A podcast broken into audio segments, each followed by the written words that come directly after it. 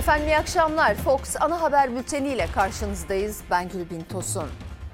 Efendim bugün çok çok önemli aslında. Bana göre çok kara bir gün. Çok doluyum. Tam iki yıl süren Pınar Gültekin davasında sonunda bir karar çıktı. Hep diyorum ya mahkeme kararlarının kamu vicdanını tatmin etmesi, adalete güveni tesis etmesi gerekir diye. Acaba bugün çıkan karar vicdanları rahatlattı mı yoksa sızlattı mı? Adalet mülkün temelidir. Bu kararla mülk yani devletin zedelenmediğini, vicdanların yaralanmadığını söylemek mümkün mü size soruyorum. Etiketimiz soruyorum. Sizler de görüşlerinizi paylaşabilirsiniz. Hemen haberi aktararak başlıyoruz bültene. Muğla'dan vicdanları sızlatan karar geldi. Üniversite öğrencisi Pınar Gültekin'i vahşice katleden Cemal Metin Avcı'ya ağırlaştırılmış müebbet cezası verildi. Sonra haksız tahrik nedeniyle 23 yıla indirildi. Katil sadece 14,5 yıl hapis yatacak. Gültekin ailesi, avukatlar ve kadın örgütleri karara tepkiliydi. İşkence çektirmek adalet midir? Ben geceleri yatamıyorum. Kabuslar görüyorum. 2 senenin ve 13 duruşmanın sonunda karar çıktı. Ama o karar vicdanları yaraladı, aileyi bir kez daha yıktı. Üniversite öğrencisi Pınar Gültekin'i vahşice öldüren, cesedi ve delilleri yok etmeye çalışan sanık Cemal Metin Avcı 23 yıl hapiste cezalandırıldı. 14,5 yıl hapis yatıp çıkacak. Ona yardım etmekle suçlanan ailesi ise beraat etti. Kadına şiddet ve kadın cinayetleriyle mücadele edilecekse gelip burada bu karara bakılsın, görülsün. Bugün e, hukukun öldüğü bir gündür. Bugün hukuk ayaklar altına alındı. Muğla Sıtkı Koçman Üniversitesi İktisat Bölümü öğrencisi Pınar Gültekin 16 Temmuz 2020'de kayboldu. 27 yaşındaydı. Soruşturma kapsamında 5 gün sonra eski sevgilisi Cemal Metin Avcı gözaltına alındı. Pınar Gültekin'i öldürdüğünü, cesedini bağ evindeki varile koyup yaktığını, üzerine de beton döktüğünü itiraf etti. Avcının gösterdiği yerde bulunan varilde Gültekin'in kısmen yanmış cesedine ulaşıldı. Neden öldürdün? Nasıl öldürdün? Nasıl öldürdün?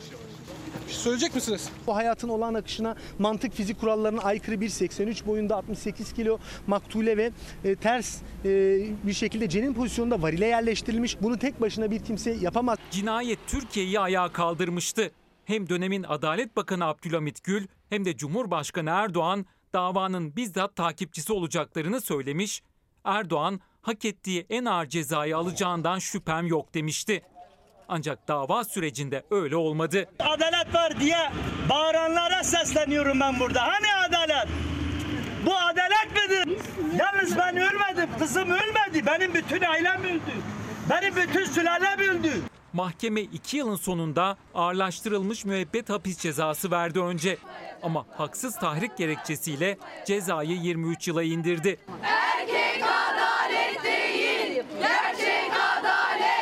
Davada yargılanan tek sanık Cemal Metin Avcı da değildi. Avcı'nın kardeşi Mertcan Avcı'nın telefon sinyallerinden aynı zamanda cinayetin işlendiği bağ evinde olduğu tespit edildi. Savcı, Pınar Gültekin'in hayattayken yakıldığını, sanığın kardeşinin de ona engel olmadığını belirterek ikisi hakkında da ağırlaştırılmış müebbet hapis cezası istedi. Maktule yakılırken başında olan abisiyle kokoreçleri yakıyorum şeklinde e, şakalaştığı iddia edilen Mertcan Avcı'ya beraat kararı verildi. Böyle bir utanç günü olamaz. Savcı cinayet sonrasını da mercek altına aldı. Sanık Metin Avcı'nın anne ve babasıyla eski eşi ve iş ortağının da olay mahalline birlikte gidip suç delillerini yok ederek gizlediklerine dair haklarında yeterli şüphe var. Onlar da cezalandırılsın dedi. 13. duruşmada mahkeme kararını açıkladı. Sanığın ailesi eski eşi ve iş ortağı beraat etti. Mahkeme katil Cemal Metin Avcı'nın cinayeti haksız tahrikle işlediğine kanaat getirdi. Yani öldürülen Gültekin'in haksız bir eylemi sonrası cinayeti işlediğine hükmetti. Kadın cinayetlerinin klasik e, haksız tarih savunması yapıldı. Türkiye'de kimsenin itibar edemeyeceği bir haksız tarih savunması var. Kimsenin itibar etmediği kendi içinde bile üç defa değişen ve çelişen bir haksız tarih savunması var. Ama geldiğimiz noktada mahkeme haksız tarih indirimi uyguluyor. Katil 23 yıl hapisle cezalandırıldı. Ama cezaevinde kalacağı süre 14,5 yıl. Katilin ailesi beraat etti ama kızı vahşice öldürülen Şefika Gültekin, Cemal Metin Avcı'ya hakaret ettiği iddiasıyla 4 yıl 4 ay hapis istemiyle yargılanıyor. Bu kadar işkence çektirmek adalet midir? Ben geceleri yatamıyorum. Kabuslar görüyorum. Ailesi, avukatları ve kadın örgütleri karara tepkili. İtiraz sürecine hazırlanıyorlar. Bu karar nereden bakarsanız bakın bir utanç vesikasıdır. Yazıklar olsun diyorum başka hiçbir şey söylemiyorum. Bir defa haksız tahrik, Türk Ceza Kanunu 29. madde mağdurun tahrik edici hareketlerde bulunması durumunda suç işleyen kişinin hiddete veya şiddete kapılarak suç işlemesi ve ceza indirimi alması kısaca. Samuray kılıcı ile katledilen Başak Cengiz'i hatırlarsınız. Katili dördüncü duruşmada ağırlaştırılmış müebbet hapis cezası almıştı, sevinmiştik. O gün de Canan Güllü ile konuşmuştum. Daha o zaman uyarmıştı. Evet çok önemli ama bu kararın tüm kadın cinayetleri için verilmesi gerekir. Ancak biliyoruz ki Emine Bulut'u öldüren kocaya sadece müebbet hapis cezası verildi. Ya da Boşandıkları kadınları öldürenlere daha az oranlarda cezalar veriliyor hep. Pınar Gültekin davasına bakıyoruz şimdi.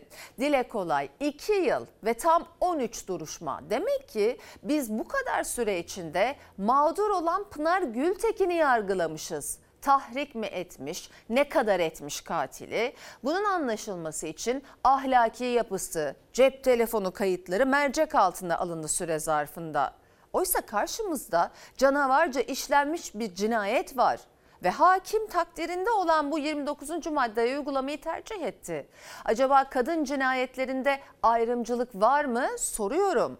Bu saatten sonra özgürlüğümüzün kadınların kadınlar olarak özgürlüğümüzün sınırlı olduğu mu aklımıza kazınmak isteniyor? Sahi biz canımızı kime emanet edeceğiz bu ülkenin kadınları olarak? Kime güveneceğiz?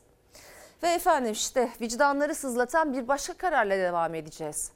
4 yıl önce Ankara'da meydana gelen 3 makinist 9 kişinin hayatını kaybettiği yüksek hızlı tren kazasında savcılığın yargılanmalıdır diyerek dosyaya dahil ettiği Türkiye Cumhuriyeti Devlet Demiryolları Genel Müdürü ve iki yardımcısı hakkında Ulaştırma Bakanlığı'ndan sonra Danıştay'dan da izin çıkmadı. Çorlu tren kazasında olduğu gibi kazada asıl sorumluluğun alt kademeden görevlilerin üzerine yıkılmasına kaza mağduru aileler tepkili. Sevgi Şahin'in özel haberi.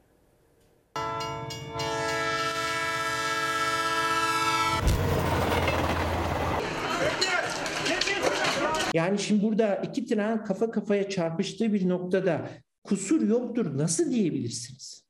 Yani e, bu mümkün değil. Çok net söylüyorum. Sinyalizasyonsuz bir şekilde bu hattı işletmeye açtığınız anda ya da bu hattın sinyalizasyonsuz bir şekilde işletmeye açılması emrini verdiğiniz anda sorumluluğu üstleniyorsunuz. Düşünebiliyor musunuz? TCD'de genel müdür ve genel müdür yardımcılarını e, soruşturma dışı bıraktılar. Peki ben şunu soruyorum. Sinyalizasyon bitmemiş ve üst yönetim bundan sorumlu tutulmuyor. Ben gerçekten bunun cevabını istiyorum. O feci kazadan yaralı kurtulan 4 ameliyat geçiren Yeşim Yılmaz gibi Ankara tren kazasının mağdurları işte bu sorulara cevap arıyor. 4 yıl önce başkentte meydana gelen yüksek hızlı tren kazasında savcılığın yargılanmalıdır diyerek soruşturma izni istediği dönemin TCDD Genel Müdür ve iki yardımcısı hakkında soruşturma başlatılmasına Ulaştırma Bakanlığı'ndan sonra Danıştay'dan da izin çıkmadı. 3 makinist 9 kişinin hayatını kaybettiği kazada asıl sorumluluğun alt kademeden görevlilerin üzerine yıkılmasına aileler tepkili. Bizim davamızda sessiz sessiz üst yönetim sorgulanamaz, yargılanamaz diye karar çıktı. Kesinleşti bu karar. Neden? Bu hesap sorulmadığı sürece bu yine böyle olacak. Biz Çorlu'dan sonra bunu yaşadık. E yine olacak, yine olacak, yarın yine olacak ve bu kadar mı ucuz insan hayatı? Görevlendirilen şirket diyor ki yüksek hızlı tren hattı hiçbir şekilde sinyalizasyon olmadan çalıştırılamaz. Çalıştırılırsa çok ciddi kaza riskleri ortaya çıkar ve bunun sorumluluğunu siz alırsınız diye e, hattın açılmasından önce verdiği bir rapor var. Hı hı. O rapor ceza dava dosyasına girdi. Başkentte 13 Aralık 2018 yılında olmuştu kaza. Ankara'dan Konya'ya giden yüksek hızlı tren Marşandiz istasyonunda karşıdan gelen kılavuz lokomotifle kafa kafaya çarpıştı. Çok büyük bir gürültüyle sarsıldık. Hemen arkasından daha büyük tekrar bir gürültü. İlk gürültüde biz kılavuz trenle çarpışmışız. İkincisinde de üzerimize üst geçit yıkılmış. Yani e, anlatılır gibi değil. Hala anlatırken kalbim çarpıyor. Üç makinist e, ve bizim vagonda bulunan altı yolcu e, vefat etti. Çok ciddi bir travma yaşandı. Burada da e, sinyalizasyon olmadan bunun eski usul güvenlik tedbirleriyle e, işte göz kararı ya da işte Yol bekçileri. yürütülebileceğine dair bir yargıyla bu hattın e, o zaman bir yerel seçimler vardı sanırım. Ondan e, kısa bir süre önce ne yazık ki işletmeye açıldığını öğrendik. Apar topar hizmete sokulan yüksek hızlı trende yaşanan kazada 3'ü makinist 9 kişi canından oldu. 93 kişi de yaralandı. Savcılık TCDD Genel Müdürü ve iki yardımcısının da yargılanması için izin isterken Ulaştırma Bakanlığı'nın soruşturma izni vermemesini Danıştay'da hukuka uygun buldu. Şu anda bir kaza olsa Allah korusun yine aynı şeyler tekrarlanacak. Ama siz koruma mekanizması içerisinde yargının önünü tıkarsanız ve yapmanız gereken hiçbir şey yapmazsanız hem bu işler sürekli olarak tekrarlanacak demektir Senay Hanım diyor ki soruyorum bir kadını bir insanı canice öldüren delilleri yok eden yaratığı neredeyse takdir eden 14 seneyle ödüllendiren ona yardım eden ailesini serbest bırakan bu adalet diğer canilerin de iştahını kabartmayacak mı?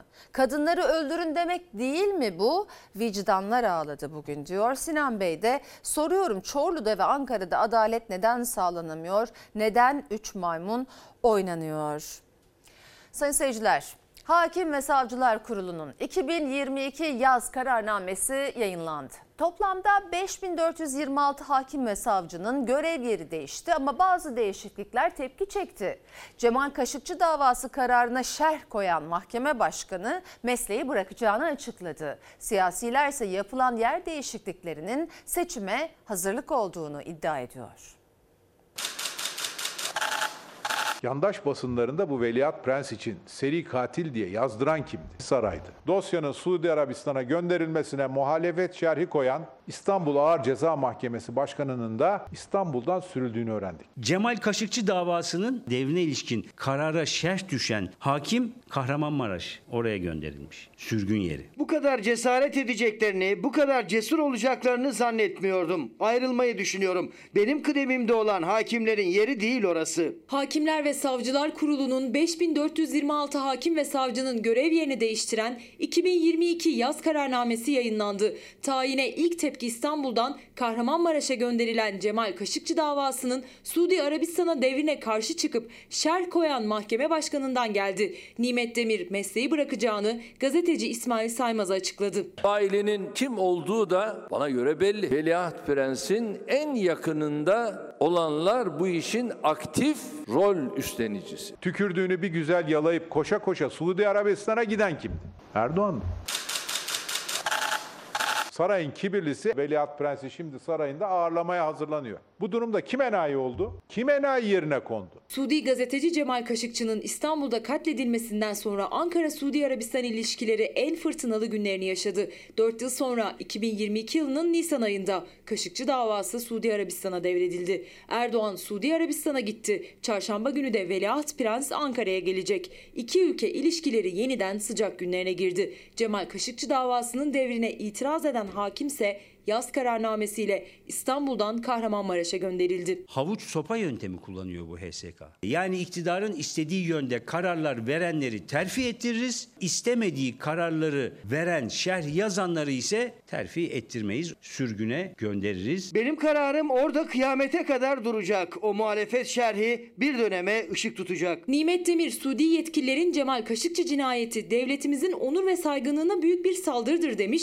Dava dosyasının Suudi Arabistan'a devredilmesine bozulan ikili ilişkilerin düzeltilmesi için diyet sözleriyle itiraz etmişti. Bu hukuk insanı yapılan haksızlık karşısında görevi bırakma kararı almış. Hakim ve savcı tayinlerinde bir başka dikkat çeken isim de 18 yıl hapis cezalarının verildiği Gezi davasına muhalif kalan Kürşat Bektaş oldu. Bektaş, dinleme kayıtlarından başka delil yok. Kayıtlar yasak delil diyerek Gezi kararlarına tek red veren hakimdi. Muhalefet şerhi veren tek hakim olan Kürşat Bektaş İstanbul'dan T tokata sürülmüş. Kime bu işaret? Bütün hakimlere. Hakim ve savcı kararnamesiyle 33 ilin başsavcısı da değişirken il ve ilçe seçim kurullarının oluşturulacağı 6 Temmuz'dan önce tayinlerin gerçekleştirilmesi de muhalefeti konuşturdu. Bu değişiklik seçim ayarımıdır. Burayla ortaya çıkacak olan bu atamayla seçim kurulu hakimliği yapacakları da bugünden belirlemeyi hedefliyorsunuz. kendi adamlarını seçim kurulu başkanı yapacak, sandıklara hakim olacağını düşündüğü 4 madde 7 Temmuz'da hayata geçiyor.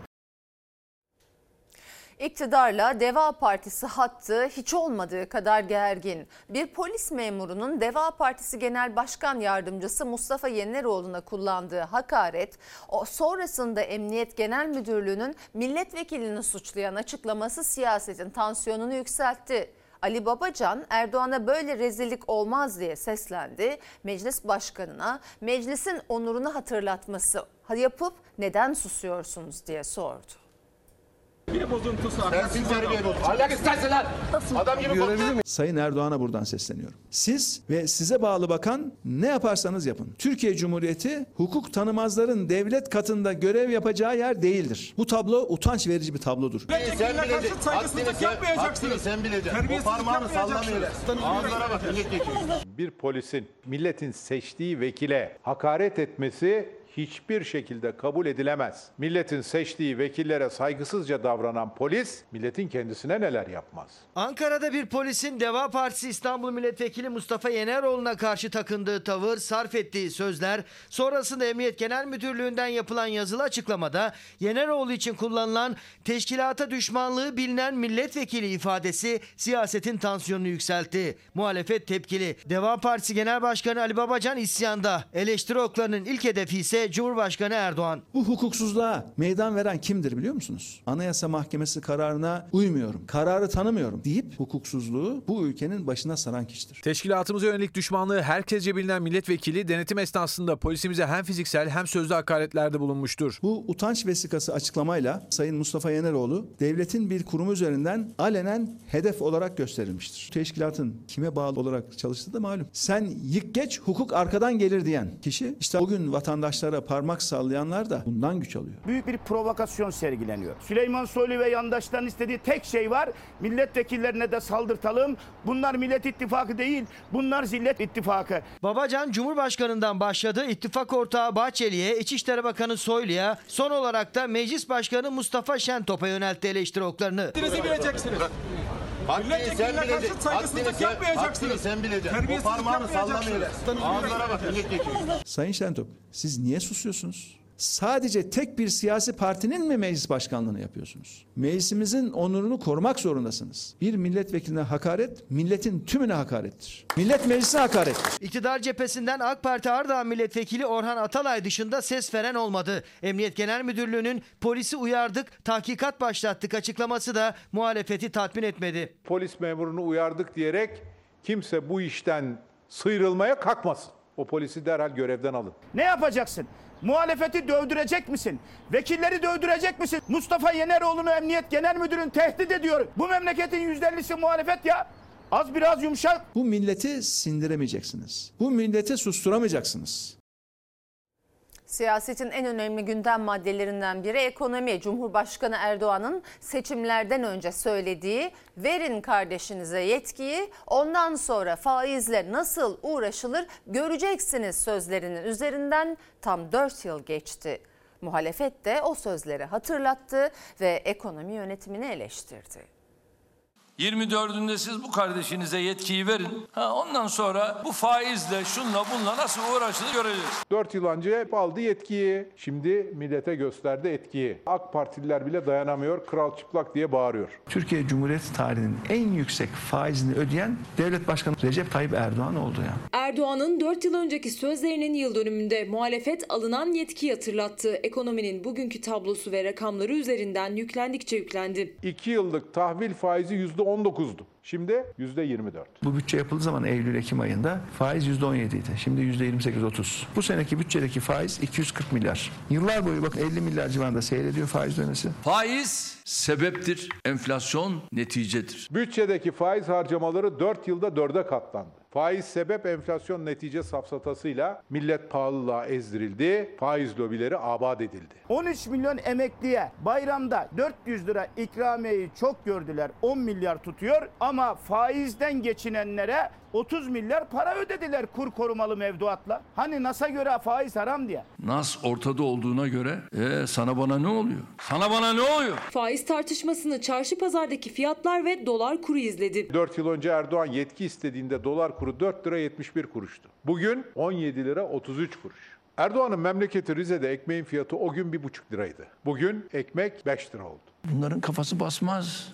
Ben ekonomistim. Ekonominin kitabını yazdım diyor. Muhtemelen Hitit dilinde yazmış. Ne okuyabiliyor ne uygulayabiliyorlar. Ekonomi her geçen gün kötüye gidiyor. Millet hiçbir şeye yetişemiyor. Ben ekonomiyi bilirim demek ama ekonomiyi bilmemek işte bizi bugünkü hale getiren bu Merkez Bankası'nın kasasının dibi delindi. CHP Erdoğan'ın sözlerini yerine getiremeyen iflas etmiş siyasetçiye benzetti. Hükümettense muhalefeti suçlayan sesler yükseldi. Muhalefet iftiralarla, sahte krizlerle üreticimize, yatırımcımıza güvensizlik aşılamaya devam ediyor. Sarayın atanmış Çevre ve Şehircilik Bakanı çıkmış, milleti ezip geçen ekonomik krize muhalefetin uydurduğu sahte bir kriz diyor. Anlaşılan Nebati Bakan'ın gidici olduğunu anlamış, boşalacak koltuğa şimdiden göz kırpıyor. Ekonomi hem siyasetin hem vatandaşın değişmeyen gündemi.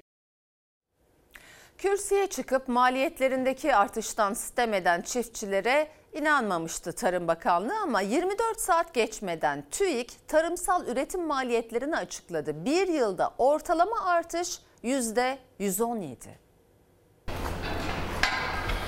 Süt üretiyorum, et üretiyorum. Sorarsanız 95 liraya kesim, 120 liraya maliyet. Et üretiminin maliyeti 120 TL değil 94.67 TL'dir. Ulusal Süt Konseyi çiğ süt tavsiye fiyatını %32 artışla 7,5 TL'ye çıkarmıştır. Bu maliyetin üzerindedir. Bana göre bakanlık burada kendisiyle ilgili çok ciddi bir çelişkiye girmişti. Ne kadar düşük bir anlamda, ne kadar düşük desteklemeler verdiğini söylemiştir. Tarım Bakanlığı inanmamış, İzmirli çiftçilerin destekleme ödemelerini açıklamıştı. Ama bir gün sonra TÜİK'ten geldi rakamlar. Bakanlığın aksine üreticinin maliyetinin ne kadar arttığını ortaya koydu TÜİK. TÜİK'e göre maliyetlerde bir yılda %117,31 artış var. Üstelik çiftçiye göre bu rakamlar da gerçekçi değil. Tarımsal üretimin dört temel maddelerinden biri olan mazot, gübre, ilaç, tohum bunların dördü yüzde 300 lira yakın artmış durumda. Siz durum böyleyken yüzde 117 bunun çok gerisinde kalıyor. Çiftçi tarlada, kürsüde, sokakta sesini bakanlığa duyurmaya çalışıyor. Başta yakıt, gübre, yem zamlarına yetişemiyor. Mazot fiyatlarına son bir yılda %314 zam geldi. TÜİK'e göre tarımda üretim için ihtiyaç duyulan ürünlerden son bir yılda en çok fiyat artışı %241,57 ile gübre ve toprak geliştiriciler. Enerji ve yağlarda artış %189,26. Bakanlığa göre desteklemeler yeterli ama TÜİK'e göre bile maliyetlere yetmiyor. Bir üretici dönüm birime 25 litre mazot harcar. Bugünkü desteklemeler 1 litresini veriyor. 1 litreyle mi övünüyorsunuz? Kredi çektim. Her bankadan çektim. Kredi günü geliyor. Süt alan ineğimi kestirip kredi ödüyorum. İkinci konuşmacı 2021 ve 2022 yıllar arasında 23.741 TL hayvancılık destek ödemesi yapılmıştır. Yemedi, içmedi, toplantıda dertlerini anlatan kadın çiftçilerin kişisel bilgilerini basınla paylaştı. Aba altından sopa gösterdi. Verdikleri 3 kuruşluk paraları çok marifetmiş gibi anlattı. Kişisel bilgileri paylaşmak suçtur. Ben savcıları burada göreve davet ediyorum. Siz saraylardan baktığınızda hayatı ucuz görüyorsunuz. İnsanların maliyetlerinden haberiniz yok. Mazot 30 lira. Gübre 15 bin lira vahit kirişçi. 15 bin lira. İlaç 1000 liraya çıktı. Şimdi siz neye göre çiftçiye verdiğiniz desteği yayınladınız? Hiç utanmıyor musunuz? Muhalefetin bakanlığın açıklamasına tepkisi sürüyor. Süt hayvanlarını bile kesime göndererek borcunu kapatmaya çalışan üreticinin ise o hayvanı beslemek için kullanmak zorunda olduğu yemin maliyeti resmi rakamlara göre %121,74 arttı. Tarımdaysa artış %117,31. Ekimini yapsa tarlasını ilaçlamak için geçen seneye göre %93,69 daha fazla ödemesi gerekecek. Tarımsal ilaçlamaya her bir kalemdeki artış sofraya konulacak her ürün içinde zam demek. Adana'dan, e, Antalya'dan çıkan e, bu maliyetlerle bir şekilde katlanarak bir şekilde tüketiciyi de vuracaktır. Bursa İnegöl'e bağlı Tokuş köyünde tarlalar, bahçelerde bulunan ceviz ve badem ağaçları yok olma tehlikesiyle karşı karşıya. Köylülerin iddiasına göre onlarca çeşit ürün aldıkları verimli toprakları kurak ve çorak denilerek organize sanayi bölgesi yapılmak isteniyor. Bütün vatanım, milletim uğruna yazık değil mi bu cevizleri kesmek? İstemiyoruz bunlar, bunların e, istimlak olmasını, organizeye gitmesini. Dağlardaki taze cevizlerde yemyeşil tarım arazileri de risk altında. Bursa İnegöl'e bağlı Tokuş köyünde verimli tarım arazilerinin kurak ve çorak denilerek kamulaştırma adı altında organize sanayi bölgesine dahil edilmesine karşı çıkan köylüler topraklarını suladıkları suyu göstererek yetkililere sesleniyor. Su yok diyorlar, suyum da var. Bunu, buna karşıyız biz ya. Burası kurak çorak arazi diyorlar. Ben şu suyu, şu suyu 24 saat yola tutuyorum. Su var ama kurak diye ceviz ağaçları kesilecek, iş makineleri girecek topraklara. Bursa İnegöl Tokuş köyünde de köylülerin tarım arazilerine dönümü 65 bin liradan değer biçilerek organize sanayi bölgesi yapılmak isteniyor. Tıpkı Balıkesir Bandırma'da olduğu gibi. Bandırma'da da birinci sınıf arazilerine üzerinde ekinler varken iş makineleri girmişti. Yine organize sanayi bölgesi yapmak için. birinci sınıf e, tarlalarımızı allem, allem yaptılar, kalem yaptılar. Altıncı sınıf arazi yerine getirdiler. 6. sınıf arazide böyle bu şey olur mu? 13 yıllık yetiştirdiğim ağaçlar. OSB e, adı altında kamulaştırmak isteniyor. E, OSB kamulaştırıldığı zaman fabrikalar ceviz üretecek. Biz bunları üretimden kaldırıyoruz. Yazık günah. Biz ondan sonra Ukrayna'dan, Çin'den, şuradan buradan e, Türkiye'nin ceviz ihtiyacını karşılıyoruz. Yetiştirdiği ceviz ağaçlarının organize sanayi bölgesi adına kesilecek olmasına karşı çıkan köylüler seslerinin duyulmasını istiyor. Sadece kendileri için de değil, gelecek nesiller için de. Gelecek nesillerimiz, gelecek insanlarımız, sadece ben değil, bütün vatanım, milletim uğruna yazık değil mi bu cevizleri kesmek? Peş peşe zamlarla birlikte katlanan elektrik faturaları artık ödenemeyecek rakamlara ulaştı. Özellikle marketler ve tekel bayilerinde içecek ve gıda ürünlerini soğutmak için kullanılan dolaplar esnafı iflas noktasına götürüyor. Şu anda zaten en büyük sıkıntımız elektrik faturası. Ödeyebiliyor musunuz? Yani zorlanıyoruz ödemekte açıkçası da ödeyemiyoruz da. Bunu yetkililere duyurursanız çok seviniriz. En büyük gider kalemi elektrik faturası artık esnaf için. Özellikle tekel bayi ve marketlerin içecekleri ve gıdaları soğutmak için dolapları çalıştırmak zorundalar. Havalar ısındığı için klimalar da açılınca zaten yüksek olan faturaları iyice katlandı. 5-6 tane dolap var burada. E, bu dolapları direkt olarak elektrik fiyatlarını yükseltiyorlar zaten. Şu anda klimayı çalıştırmadık. 8500 geliyor ve 9000 civarı geliyor bize şu an. Bir de klimayı çalıştırdığımızda neler olacak? Burası bir tekel bayi. İçeride içecekleri soğutmak için, 8 gıdaları soğutmak için bir ve dondurmaları soğutmak için de bir tane dolap var. Aynı zamanda 50 metrekarelik olan bu dükkanın bir kliması bir de aydınlatması var. Bu iki elektrik faturası da bu tekel bayiye geldi. Biri geçen senenin Haziran ayına, biri bu senenin Haziran ayına ait. Geçen sene dükkan sahibi 82 kilowatt elektrik harcamış, 2358 lira elektrik faturası ödemiş. Bu senenin Haziran ayına geldiğimizde ise kullandığı elektrik miktarı 74 kilowata 6409 lira. Yani dükkan sahibi geçen seneye göre bu ay daha az miktarda elektrik harcamasına rağmen ödediği elektrik faturası miktarı neredeyse 3 katına yakın. Kapattınız mı hiç elektrik faturasını düşürmek için? Hafta işleri bir iki saat daha geç çalıştırıyoruz. İhtiyaca göre dinlendiriyoruz. Bu aydan sonra sıcaktan da zirveye çıkacağını düşündüğüm için tasarruf yapacak bir durumda yok. Belki de yarın 7-24 çalıştıracağız dolapları yani. Dükkan sahibi Ali Murat İleri Türk elektrik faturasını düşürebilmek için çok çabaladı aslında. Ancak yılbaşından bu yana %127 zamlandı elektrik. Üzerine %25'lik son zam da Haziran'da geldi. Dolaplarımızı açamıyoruz. Açtığımız zaman da 7 bin, 8 bin, 10 bin TL'nin altında fatura gelmiyor. Bütün esnaf şu anda sıkıntı yaşıyor. Elektrik faturalarından dolayı tamamen perişan durumdayız. Eskiden elektrik faturalarımız e, normalde kiramızı geçmezdi. Şimdi kiramızın 5 katı, 6 katı, 10 katı elektrik faturası geliyor. Elektrik faturalarını ödeyemeyecek noktaya geldi esnaf. Üstelik sadece elektrikte değil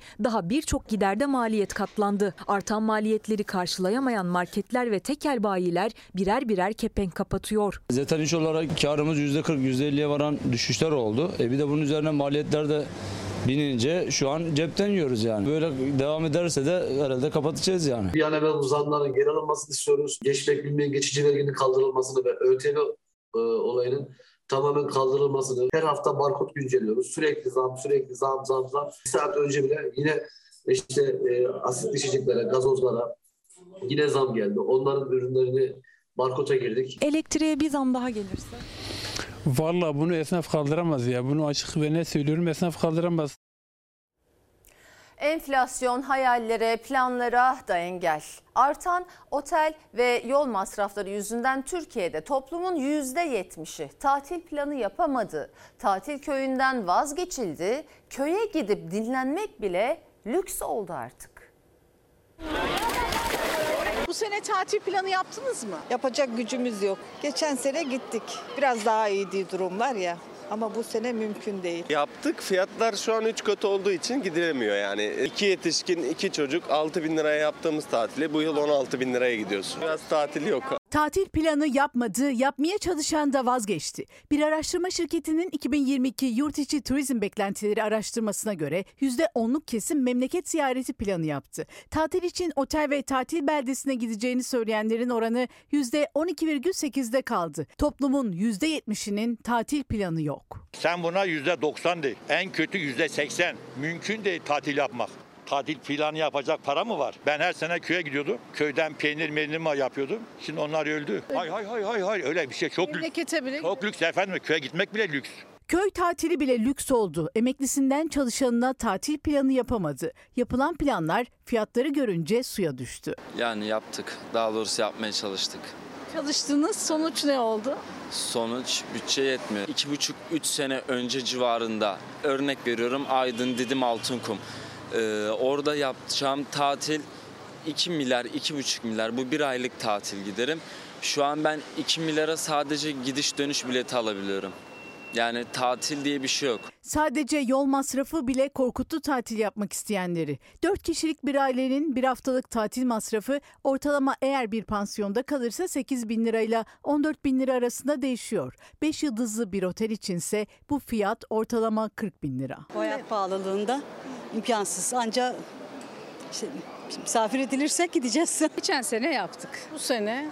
Bu sene işte yine küçük şöyle 3 günlük bir şey yapacağız ama geçen yıl aldığımız için şu an uygun aldık ama e, yeni e, gitmek isteyenler biraz zorlanacak gibi. Tatili geçen sene alanlar daha uygun fiyatla yapabilecek. Bir de otel ve turları yurt dışından satın alabilenler. Oteller çok pahalı. Ben yurt dışında yaşıyorum. Ben eşime de yurt dışından yap dedim yani. Buradan çok pahalı. İmkansız. Bir de niye acaba yurt dışından ayarladığımızda ucuz da buradaki vatandaşlarımıza daha büyük meblağlar düşüyor onu anlamış değilim. Ne kadar fark ediyor peki Türkiye'den ayarlamakla yurt dışından ayarlamak arasında? Yüzde yüz fark ediyor yarı yarıya. Eğer ki 7 yıldızlı ayarlarsam uçağı da içinde veriyor. Öyle söyleyeyim size. Kızım yurt dışında. Onlar da tatilleri Türkiye'den almakla yurt dışındaki e, programları oralardan almak arasında çok fark olduğunu fark ettim. Gerçekten Türk milletine ayıptır ya. Yurt dışından gelip her yıl tatile 3000 euro yani ortalama 50 bin lira ayıranlar bile fiyatlar karşısında zorlandı. Almanya'dan geliyoruz zaten hani o yüzden bütçemiz böyle 3100 euro ucuz otellere bakmak zorundaydık. Yani daha ucuza önceki kaçmak yıllar- zorundaydık. Daha önceki yıllar bütçemiz yine aynıydı ya da 3500 falan ama daha güzel otellerdi. Geçen yıl Cumhuriyet tarihinin en büyük orman yangınları yaşanırken Türk Hava Kurumu'nun yangınla mücadele uçakları havalanamadı. Neden diye günlerce tartışıldı. Tarım ve Orman Eski Bakanı Bekir Pakdemirli çok eskiler, güvenli değiller. Hatta bazılarının motoru bile yok demişti ama 9 uçaktan 4'ünün bakımı yapıldı. Olası bir orman yangınında bu yıl kullanılabilecek durumdalar. Orman yangınlarıyla mücadele uçaklarımız da nihayetinde 3 uçağımızın tamamen bakımları sonuçlandırıldı. 4. uçağımızınki de bitirilme aşamasına gelindi. Ege, Akdeniz, Batı Karadeniz, Güneydoğu Anadolu, Türkiye'nin dört bir yanından alevler yükselirken Rusya'dan İspanya'ya, İran'a kadar farklı ülkelerden orman yangınlarına müdahale için yardım gelirken gündemin ilk sırasındaydı. Türk Hava Kurumu'nun havalandırılmayan uçakları. Türk Hava Kurumu'nun şu anda elinde buralarda rahatlıkla kullanılabilecek uçak falan yok. Türk Hava Kurumu'nun yeniden ayağa kalkması için elimizden gelen bütün çabayı göstereceğiz. Yeter ki engel çıkarmasınlar. Cumhuriyet tarihinin en büyük orman yangınları yaşanırken Türk Hava Kurumu'nun uçakları havalanmadı. Pilotları işten çıkarıldı. Cumhurbaşkanı Erdoğan kurumun elinde uçabilecek durumda uçak yok derken Kılıçdaroğlu THK hangarlarını ziyaret etti. Yardım kampanyası başlatalım dedi. Dönemin Tarım ve Orman Bakanı Bekir Pakdemirli ise o uçaklar için çok çarpıcı bir açıklama yapmıştı. Üç tanesinin motorların içine kuşlar yuva yapmış. Motor yok motor. Motorlarından da yedekler de bizde var. Ancak bu motorlar eski ve overall dediğimiz birçok bakımı da gerektiren çok sayıda motorumuz var. Tarım ve Orman eski bakanı Pakdemirli'nin motoru yok dediği 9 amfibik uçaktan 6'sı uçabilecek durumda. 4'ünün 4 ay gibi kısa bir zamanda bakımı da tamamlandı. Hala antikacı dükkanı gibi 1960'lardan kalma uçakları kullanalım tarzında açıklamalar yapıyor. Türkiye'nin ormanları yanarken Türk Hava Kurumu'nun uçakları uçabiliyor mu uçamıyor mu tartışması sürerken kamuoyu bir türlü uçakları görememişti. Bir yıl sonra bu yazsa uçaklardan dördünün bakımı yapıldı ve yangınlara müdahaleye hazır hale getirildiler. 2019'dan beri kullanılmayan Ankara'da hangarda bekletilen uçakları yıllar sonra ilk kez sergiledi Türk Hava Kurumu. 4 milyon dolara ilk etapta 9 uçaktan en iyi durumda olan 4'ünün bakımı yapıldı. Ama biri yedekte tutulacak. İki uçaksa zamanla bakıma sokulacak. 7 yıl boyunca uçabilecek durumdalar. Hatta içlerinden 5'i modernize edilirse 40 yıl daha kullanılabilecek. Motoru yok denilen 3 uçağında motoru var ama bakımı çok masraflı olduğu için şimdilik hangarda duracak. Türk Hava Kurumu bir ihale almadığı müddetçe bunları kendiliğinden verme imkanı yok. Geçen yıl sürekli değişen nedenlerle ihaleye giremeyen THK bu yıl 4 uçağını da Tarım ve Orman Bakanlığı'nın hizmetine sunabilecek.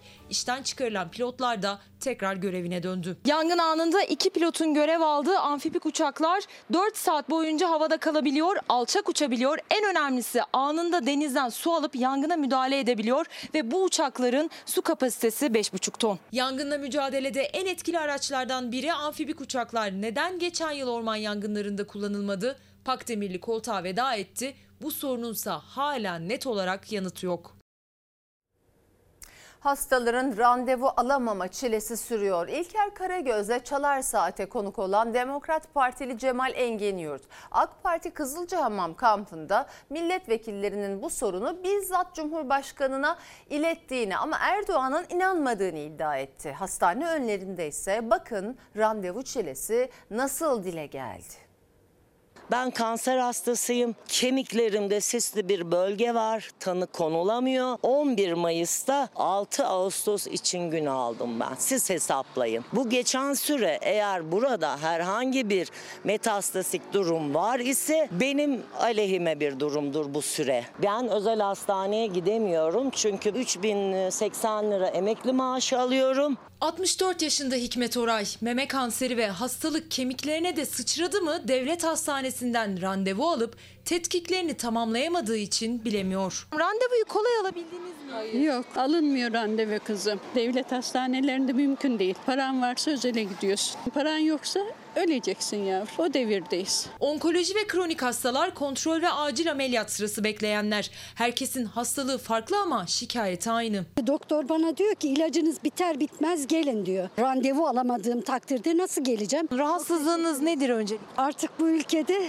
kimsenin ruh sağlığı maalesef kalmadı. Psikiyatri bölümünden ilaçların bitmesine rağmen ben randevu alamadım. Ne kadar süre randevu alamadınız? Yani iki aydır ben randevu alamıyorum. Her gün arıyorum. Dilimden ameliyatlıyım. Çok geçmiş olsun. Randevu 3 ayda zor aldım. Hani diyorlar ya siz e, hastaneyi beklemeyin, hastane sizi beklesin ama biz evde bekliyoruz. Acil miydi durum? E, diş yani evet. Çürümüş, kırılmış. Cumhurbaşkanına Kızılcamam'da randevu sistemini anlattıklarında öyle şey olmaz diyor. AK Parti iktidarında sağlık problemi çözüldü diyor. İlker Karagöz'de Çalar Saat programında anlattı kulis bilgileri. Demokrat Parti Genel Başkan Yardımcısı Cemal Enginyurt. AK Parti'nin Kızılcahamam kampında vekillerin sadece Sağlık Bakanı'na değil bizzat Cumhurbaşkanı Erdoğan'a da hastaların randevu alamama şikayetlerini ilettiklerini söyledi. Bırakın bu işleri diyor. Siz nerede yaşıyorsunuz? Öyle değil mi Recep Akdağ diyor. Sağlık Komisyonu Başkanı diyor ki maalesef efendim arkadaşların dediği doğru diyor. Randevu sisteminin çökmüşlüğü şimdi en az 10 kişi arıyor beni. Randevu alamayan hastaların şikayetleriyle telefonlarımız susmuyor diyen AK Partili vekillere kulislere göre Erdoğan inanmasa da hastalar sağlık sisteminin neden alarm verdiğinin farkında. Eski doktorlar yok. Kalmadı. Özel hastanelere gidiyor, yurt dışına gidiyor. Bunların sebeplerini hepimiz biliyoruz. İşte maaşları, hak ettiklerini alamaması, bizim insanların doktorlara pata pata girişmeleri. Şimdi yeni meclisten çıkarttıkları yasayla doktorları, sağlık çalışanlarını daha da büyük sıkıntılara soktular. Hiçbir yenilik getirmediler. Doktorların yükünü artırdılar. Muhalefete göre meclisten yeni geçen sağlık yasası da hastalara göre Erdoğan'ın her fırsatta övündüğü şehir hastaneleri de sorunu çözemeyecek. Ama özellikle onkoloji hastaları acil çözüm bekliyor. Tamam şehir hastanesi de çok güzel ama ulaşımı zor, bize zor. Oradan randevu almak kolay mı? Zor. Hepsi zor. Sağlık Bakanlığı'nın gerçekten bu konu üzerinde durmasını rica ediyorum. Randevu çilesi var çünkü hekimler kaçıyor ülkeden. Türk Tabipleri Birliği Genel Sekreteri birlikten günlük ortalama 7 hekimin yurt dışına çıkmak için sicil belgesi aldığını söylemiş ve eklemişti. Bu sayı 2022 Nisan ayında 214 oldu. Geçtiğimiz yılsa 1405 hekim yurt dışına çıktı diye. En ufak bir ağrıda gözlerinin içine baktığımız doktorlarımız gitmesinler, varıp gitmesinler yahu. Bizlere hastalandığımızda hastane duvarları bakmıyor. Hekimlerimize hepimiz sahip çıkalım derim. Doktor Yusuf Er Yazgan demiş ki soruyorum Fahrettin Koca'ya. Son yasanın hekime faydası ne? Özlük hakkı düzelmedi, maaş artmadı, aile hekiminin adı bile yok. Hekimler hariç dediniz. Bir de sanki büyük bir iş yapmış gibi paylaşımlar. Soruyorum etiketiyle hak alana kadar sormaya devam edeceğiz. Efendim sağlıkta şiddet olaylarına bir yenisi daha eklendi. Annesine yaptığı adres tarifini beğenmeyen saldırgan eczaneyi bastı. Eczacı kadına saldırarak tehdit etti. Şehir eşkıyası saldırganın ölümle tehdit ettiği eczacı kadın adalet arıyor. Ya Allah aşkına bırakın şunu verin. Ya su bunda.